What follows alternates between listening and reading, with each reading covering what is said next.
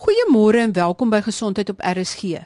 Ons hoof fokus is vandag op soeibrand, oftewel reflux siekte. Ons het twee afleweringe in hierdie reeks oor soeibrand en reflux siekte. In die eerste aflewering, met ander woorde vandag se bydra, gaan ons fokus op wat in die liggaam gebeur as mens soeibrand het en hoe dit werk en waarom dit so gebeur en dan ook na die medikasie wat geneem kan word in gewone gevalle van soeibrand. Volgende week sal ons dan verder kyk na wanneer medikasie nie help nie en ook na Barrett's esophagus.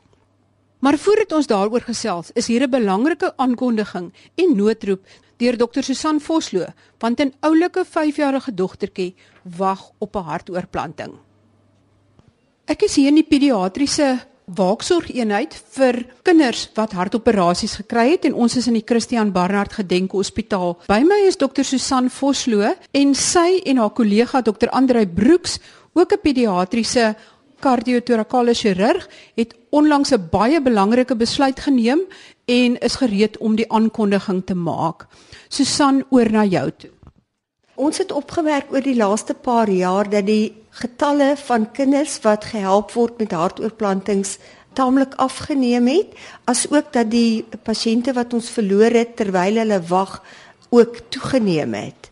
Ons het dit bespreek en besluit dat ons klein veranderinge gaan maak in die eenheid waarin ons werk sodat ons weer eens die kinders wat hartoortplantings benodig as ook volwassenes met kongenitale hartafwykings wat hartoortplantings benodig omdat daar geen konvensionele behandeling vir hulle is nie as 'n aparte entiteit gaan bedryf. As deel hiervan het ons 'n samewerkende ooreenkoms gemaak met 'n Rooikruis Kinderhospitaal as ook met ons kollegas in Johannesburg sodat daar meer bewustheid kan wees en dat die kans dat kinders waar hulle ook al wag makliker gehelp kan word.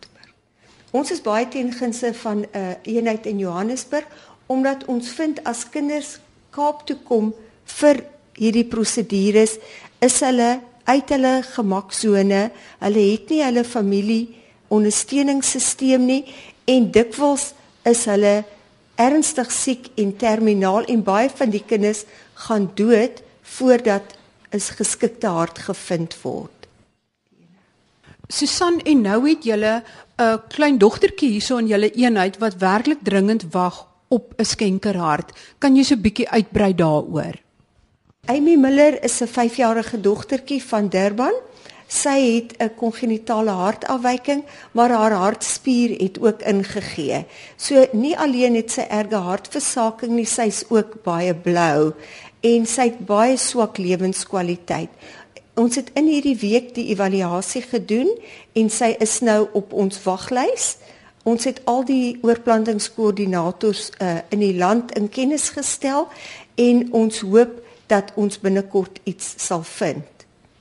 Wat wel baie belangrik is, is dat ons kollegas waar hulle pasiënte moet hanteer wat oorlede is of ernstige breinskade het, net in aanmerking moet neem dat daar wel 'n troos is vir hierdie mense waar hulle hulle naasbestaandes verloor en in die traumatiese tyd ook 'n geleentheid mag hê om 'n groot verskil te maak aan iemand anders se lewe. Gaan kyk gerus op rsg.co.za hoe Amy lyk en ook haar ouers, Michael en Natasha Miller van Durban wat angstig op die oproep wag. Amy is met 'n baie ernstige hartdefek gebore en het op 6 dae ouderdom haar eerste baie groot hartoperasie gehad met 'n klein kans op oorlewing. Dokters Vosloo en Broeks kon met twee verdere groot hartoperasies haar tot by 5 jaar ouderdom bring, maar nou is 'n hartoortplanting al hoop op lewe vir die dapper dogtertjie. Sy het gister 5 jaar oud geword. As 'n groot tragedie jou tref en jou kleuter sterf in 'n ongeluk, Hou Amy in gedagte en dink hoe angstig jy as ouers sou gewees het indien jy in Michael en Natasha se skoene was. Maar nou terug by soeibrand en reflux siekte. Ek is in die spreekkamer van Dr. Martin Prins. Hy's 'n gastro-enteroloog by Mediclinic Panorama en ook deeltydse konsultant by die Tygerberg Hospitaal. Ons gesels vandag oor soeibrand en reflux omdat so baie mense daaraan ly. Dokter Prins, hoe groot is hierdie probleem regtig? Goeiemôre Marie, uh, nogmaals dankie dat jy my uitgenooi het. Reflux is 'n baie algemene probleem in dat uh, die insidensie is eintlik besig om wêreldwyd toe te neem. Dit varieer in verskillende dele van die wêreld. Uh, ons sien normaalweg in die westerse lande is die insidensie in die orde van 10 tot 20%, maar in Asië is dit heel waarskynlik minder as dit in 5% van gevalle. Wat is soeibrand en hoe vind reflux plaas? Wat sal die beskrywing van dit wees? Eers moet 'n mens miskien dit definieer. Uh, wat is eintlik reflux siekte? En die uh, aangename definisie is as ons sê dat enige pasiënt wat voordoen met reflux tipe simptome waar dit hulle kwaliteit van lewe beïnvloed, dan praat ons van reflux siekte. Nou 'n uh, eh, reflux siekte per se kan op verskillende kliniese wyse manifesteer. Uh tipies sal meeste pasiënte normaalweg by hulle algemene praktisyn uitkom en met klagtes van soeibrand, hulle ook kan kla dat hulle die gevoel het van suur wat terugstoot op in die slukpyp. In sommige gevalle sal die pasiënte ook kla dat dit soms moeilik of pynlik is om te sluk en hulle kan ook voordoen met wat ons sê dyspeptiese klagtes of ongemak oor die krop van die buik. Maar ons kry ook baie pasiënte wat verwys word van ander dissiplines. Veral in my praktyk sou ek sê omtrent 30% van my pasiënte met reflux siekte is vanaf kardioloog waar hulle eintlik voordoen met borskaspyn. En die borskaspyn kan soms so intens wees dat die pasiënt dink hulle is besig om 'n hartaanval te hê. En dan tipies sal die kardioloog dan verder ondersoeke doen, miskien inspanning EKG of as dit genoodsaak is 'n angiogram en sien dat eintlik alles normaal is en dan behoort hulle eintlik vir die pasiënt te vra maar kry jy soeibrand.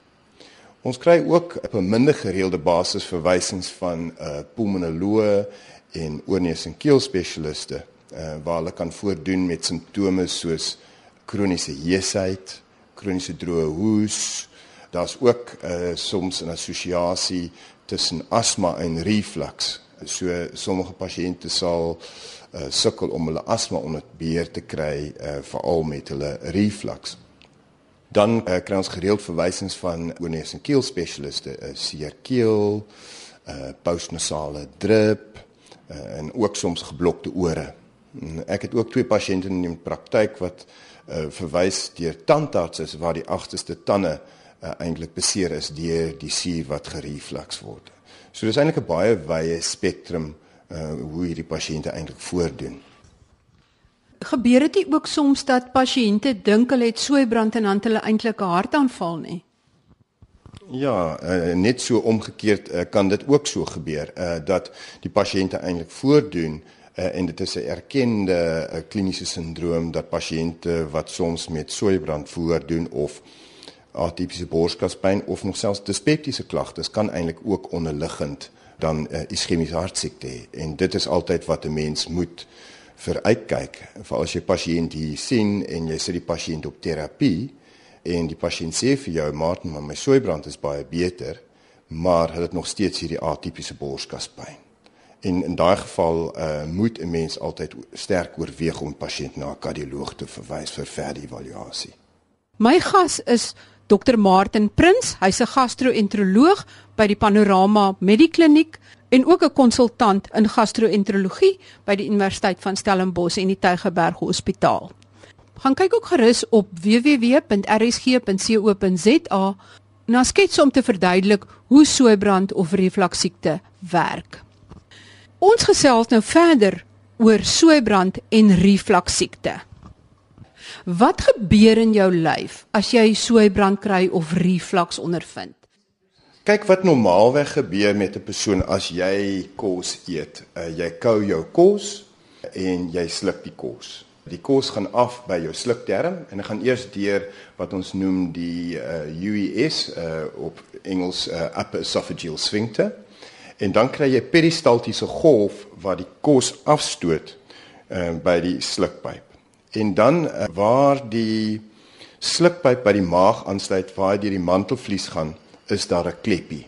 En dit noem ons die laar esofagale sphincter. En dit is half so uh, as ons dit men kan voorstel is 'n ringkleppie. En daai kleppie is basies altyd toe. Nou wat gebeur normaalweg fisiologies is dat die kos beland by daai onderste kleppie en daai kleppie verslap. Uh die kos val deur in die maag en daai kleppie maak toe. Wat dan gebeur is dan die kos rek die maag. En dit is fisiologies vir die maag 'n potente stimulus om suur te produseer. Nou die patofisiologie agter refluksiekte is dit het te doen met hierdie kleppie. Nou dit is 'n baie komplekse kleppie en dat dit het te doen met jou crura van jou mantelvlies. Daar's ook 'n sfinkter en ook die hoek van die slukpyp hoe hy in die maag gaan seker die algemeenste oorsaak eh, dat daar iets fout is met die kleppie is 'n toestand wat ons praat van verbygaande laar esofagale sfinkter verslapping.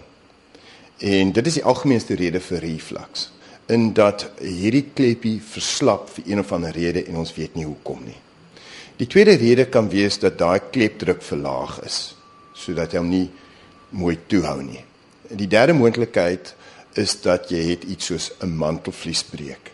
En wat basies 'n mantelvliesbreek behels is waar 'n gedeelte van die maag prolabeer deur die kleppie tot in die slukpyp. So nou het jy eintlik 'n uh, maagmikose wat bo die kleppie sit en wat suur afskei. En dan wat ons ook baie sien en dit kan soms uh, gemis word is dat die samentrekking van die slukpyp is nie 100% nie. En wat normaalweg gebeur fisiologies, kry mens altyd 'n bietjie suur in die slukpyp nadat jy geëet het en die slukpyp sal net dan saamtrek en die suur weer afstoot in dit. So dit is die vier basiese fisiologiese teorieë agter wat refluksiekte veroorsaak. Ons weet ook dat daar is ander faktore wat 'n rol speel by refluksiekte. Refluksiekte in 'n Eerste wêreldse lande is besig om toe te neem en dit het te doen met dat mense oorgewig is of obesiteit. En baie van die pasiënte wat in hierdie praktyk opdaag, sal hulle sê, "Maar Martin, as ek gewig verloor, dan is my reflux definitief beter." En dan is daar ook natuurlik uh, al jou goedes wat verwant is aan jou dieet. Uh tipies uh, goedes wat 'n effek het op die kleppie self. En dit is mense wat miskien baie koffie drink, kafeïne, want dit verminder die klepdruk.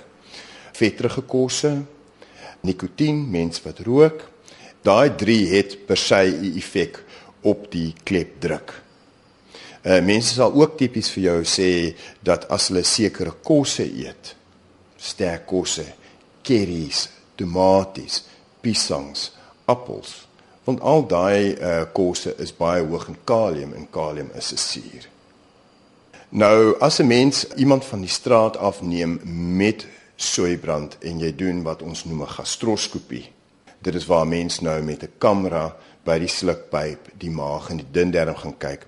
In 45% van pasiënte sal jy seertjies sien aan die onderkant van die slukpyp. En dit is wat ons noem in mediese terme erosies. En daar word basies twee klassifikasies deur die gastroenteroloog gebruik. Die een is die Savory-Gillard klassifikasie en die ander ene wat uh, meer eintlik gebruik word is die Los Angeles klassifikasie. En dit uh, gradeer ons van A tot D, waar D die ergste is en A die ligste graad van aantasting is. Normaalweg uh, as jy iemand skoop met die eerste skoop en hulle se graad A of 'n B en hulle kom terug na 5 jaar en sê Martin, miskien moet ek weer gaan kyk, is dit heel waarskynlik nie nodig nie tensy hulle alarmsimptome het want uh, ons sê normaalweg is dit nie progressiewe siekte. Jy jy sal normaalweg op dieselfde vlak van aantasting bly soos met jou eerste diagnose. Die ander 55% sien jy hulle die slukpyp blyk eintlik heeltemal normaal en dan praat ons van nie erosiewe reflux siekte. Maar as mens dan verder ondersoeke doen, dan sal jy sien hulle kan ook reflux hê al lyk dit normaal. En dit het heel waarskynlik te doen met die hoeveelheid suurblootstelling wat jy het ook. Mens moet net altyd ook uh versigtig wees uh, wanneer uh jy met 'n pasiënt wat nie erosiewe reflux siekte het, enigstens oorweeg dat jy dit wil chirurgies behandel. Hoekom verskuif dit nie van A tot D na 'n tydperk nie? Daar is nie eintlik 'n verduideliking daarvoor nie. Wat soms wel ook baie belangrik is, is dat jy miskien hierdie pasiënt misdiagnoseer waar jy sien hy het 'n graad B en die pasiënt het eintlik ook bykomstig een van die komplikasies van reflux siekte waar jy praat van Barrett's esophagus wat veronderstel in mediese terme 'n primaligne toestand te wees. Maar hoekom die siekte stabiel bly en dat die kans dat jy van 'n A na D toe gaan uh, is verskriklik klein, kan 'n mens nie eintlik sê hoekom. As jy dan moet verduidelik wie het dan 'n groter risiko om soeibrand of reflux te kry? Een van die risikofaktore is natuurlik veral in 'n eerste wêreldse land is natuurlik obesiteit. Dit het 'n groot rol uh, want sodra jou uh, body mass index opgaan, dan het jy 'n verhoogde risiko. Die ander groot risikogroep en dit kom nou weer terug op wat ek net nou genoem het, is jou pasiënte wat hoë risiko het vir Barrett's. En dit is tipies jou blanke mans in die derde tot vierde dekade. En daai pasiënte as hulle uh soeibrand ervaar, uh, is dit 'n opsie om 'n gastroskopie te doen om dit uit te skakel. Die ander groot risikofaktor is uh, mense oor ouderdom 50 wat nou voordoen met 'n reflux siekte daarmee toe mense ook altyd gaan oorweeg om 'n endoskopie te doen. En die tendens deesdae in Europa en Amerika is uh, praat ons van oor ouderdom dit hang af in watter land jy is 45 of 50 jaar oud om uh, een keer in 'n leeftyd 'n gastroskopie te doen. Die ander indikasie is natuurlik uh, enige pasiënte wat alarmsimptome het, gaan mense altyd 'n endoskopie doen. So mense met onverklaarbare naarheid of braaking of as hulle het wat ons noem hematomese waar hulle bloed opgooi, moet 'n mens altyd gaan verder kyk. Goed, maar voordat ons by die aggressiewe behandeling kom, kom ons kom net weer terug na die gewone algemene soeibrand of reflux. As 'n pasiënt dan nou by jou kom en dit is nou soeibrand maar sonder allerlei alarmsimptome, watter pad loop jy dan met daai pasiënt wat behandeling betref? Weereens dit hang af dan uh van hoe erg die reflux tipe simptome is as dit 'n jong persoon is en hy het minimale simptome, dan het mense die opsies om iets soos 'n wat ons noem 'n H2 blokker te gebruik. En dit is medikasies soos Zantac, Tagamet. En dit is eintlik 'n middels wat uh, ontwikkel is voor die uh, aankoms van wat ons noem protonpomp inhibitore. Uh mense kan ook uh ander uh, eenvoudige antisure gebruik soos Rennies en Tums en ook van hierdie uh, mukosale bedekkings uh, wat ons noem Alsenic. As die pasiënt erge simptome het, in ander woorde die pasiënt voel dit beïnvloed sy kwaliteit van lewe en as hy soeibrand ervaar dat sy simptome erg is, dan moet 'n mens miskien uh besluit oor 'n uh, sterker terapie en dan is die middel van keuse wat ons sal noem 'n uh, protonpomp inhibitor. As 'n mens uh, onseker is oor die diagnose of uh, daar is iets wat jou bekommer van die pasiënt se simptome, dan sou mens sterk oorweeg natuurlik om 'n 'n gastroskopie te doen waar mens uh, gaan kyk met die kamera om te gaan kyk wat daar aan die gang is. Die, die eerste liniemiddels verander dit net die suurgehalte en wat doen die protonpomp inhibitors? Uh, die middels van keuse deesdae is uh protonpomp inhibitore en dit is seker die mees effektiefste terapie uh vir die behandeling van reflux siekte. Wat die uh protonpomp inhibitor doen uh is hy onderdruk in leuke taal suurproduksie. So dit is hoekom baie pasiënte as hulle reflux simptome ervaar en hulle gaan op 'n PPI Eh, en hulle stop die medikasie, sal baie pasiënte ook sê, "Maar Martin, my soeibrand is terug." Want jy's nie besig om die siekte heeltemal te genees, jy's besig om 'n simptoom te behandel. So normaalweg as jy besluit jy wil die pasiënt op 'n PPI sit, uh, wat ons dan normaalweg doen, ons sal die pasiënt op 'n PPI sit vir 'n maand. En ons gaan monitor die pasiënt se simptome. Uh normaalweg wat ek sal doen, ek sal dan vir my pasiënte sê, uh wanneer is jou uh simptome vir jou die ergste? Is dit meer in die dag of is dit meer saans? Want dan wat 'n mens sal doen is jy sal vir hulle sê dat as jy simptome van jou reflux meer in die dag is, dan sê ons vir ons pasiënte uh liewerste dat jy die PPE in die oggend neem minstens half 'n uur voor ontbyt op 'n nugtere maag. As jou simptome meer saans is, dan uh, sou ons liewerste sê dat jy die tablet 'n half uur voor aandete neem. Die rede hoekom mens die uh PPE's minstens half 'n uur voor ete neem is vanweer die feit dat uh, ons weer die grootste stimulus vir suurproduksie is rekking van maag deur kos. So jy wil verkieslik hê dat die medikasie al in die stelsel is voordat die pasiënt begin eet. En jy kan duidelik sien uh, van jou pasiënte dat hulle sal klinies voel hulle beter as hulle die medikasie korrek neem. In sommige gevalle sal pasiënte vir jou sê, "Maar Martin, ek kry soeibrand dag en nag." En dan is daar van die preparate wat jy dan kan doen of die tablet in die middel breek of jy kan die uh, PPE uh, twee keer per dag gee. Want ons weet die halfleeftyd van hierdie medikasie is nie 'n volle 24 uur. En so split dosing werk eintlik beter as enkel dosering. En wat 'n mens dan doen is 'n maand na die tyd sal die pasiënt herëvalueer. Is die simptome nou beter? As die pasiënt se simptome baie beter is, dan het 'n mens uh die opsies uh, om dan kronies uh, PPI's te gebruik. Uh, en dan het jy essensieel twee opsies hoe jy dit lanktermyn kan gebruik. Die een wat ek altyd voorstel is dat na daai maand as hulle simptome heeltemal weg is, dan kan hulle maar die medikasie los.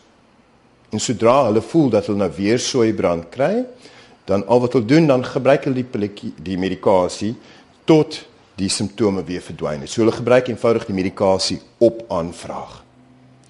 Of uh, ek sê vir my pasiënte ook, ehm um, miskien as jy sien vanaand gaan jy nou 'n bietjie kuier en 'n bietjie curry met 'n glasie rooiwyn, en dan kan altyd van daai medikasie half uur inneem voordat jy uitgaan. Die ander opsie is sommige pasiënte sal vir jou ook dan sê maar Martin, ek kan nie sonder my pilletjie nie. En dan wat ons dan doen, dan sê ons vir hulle, hulle kan dit maar elke dag of elke tweede of elke derde of elke vierde dag neem wat hulle simptome beheer. Uh die groot vraag natuurlik is uh baie pasiënte sal vir jou dan sê maar uh het die medikasie enige neeweffekte? Wel as hulle wel neeweffekte het, dan is dit soms nie moeite werd om oor te slaan na een van die ander PPI's. Daar word in die literatuur wel beskryf dat die medikasie het wel neeweffekte, maar dit is nog nie oortuigend bewys nie. Uh, en die neeweffekte wat hulle van sien in die literatuur is dat jy kan verlaagde magnesium vlakke kry in die bloed. Uh jy kan soms uh, bakterieële oorgroei kry. Daar word ook uh, bespiegel dat uh, dit kan miskien ook uh osteoporose vererger. En dan is daar ook 'n ander toestand waar ons praat van dat jy poliepe in die maag kry wat ons noem benigne hiperplastiese fundale poliepe. Maar dit is nie poliepe wat kwaadaardig is nie en dit het heel waarskynlik te doen met die langtermyn gebruik van PPE's. So die medikasie is eintlik veilig om langtermyn te gebruik. En as mens hierdie neeweffekte wil vermy, dan gaan on-demand terapie heel waarskynlik die keuse wees en meeste mense sal dan dit oorweeg. So vinnig kom ons dan alweer aan die einde van hierdie program. Maar volgende week gesels ek verder met Dr. Martin Prits, gastro-enteroloog by die Panorama Medikliniek oor soeibrand en reflux siekte en ons konsentreer dan op reflux siekte wat nie goed op medikasie reageer nie en ons gee ook 'n dieper kykie na Barrett's oesofagus. Tot volgende week dan. Totsiens.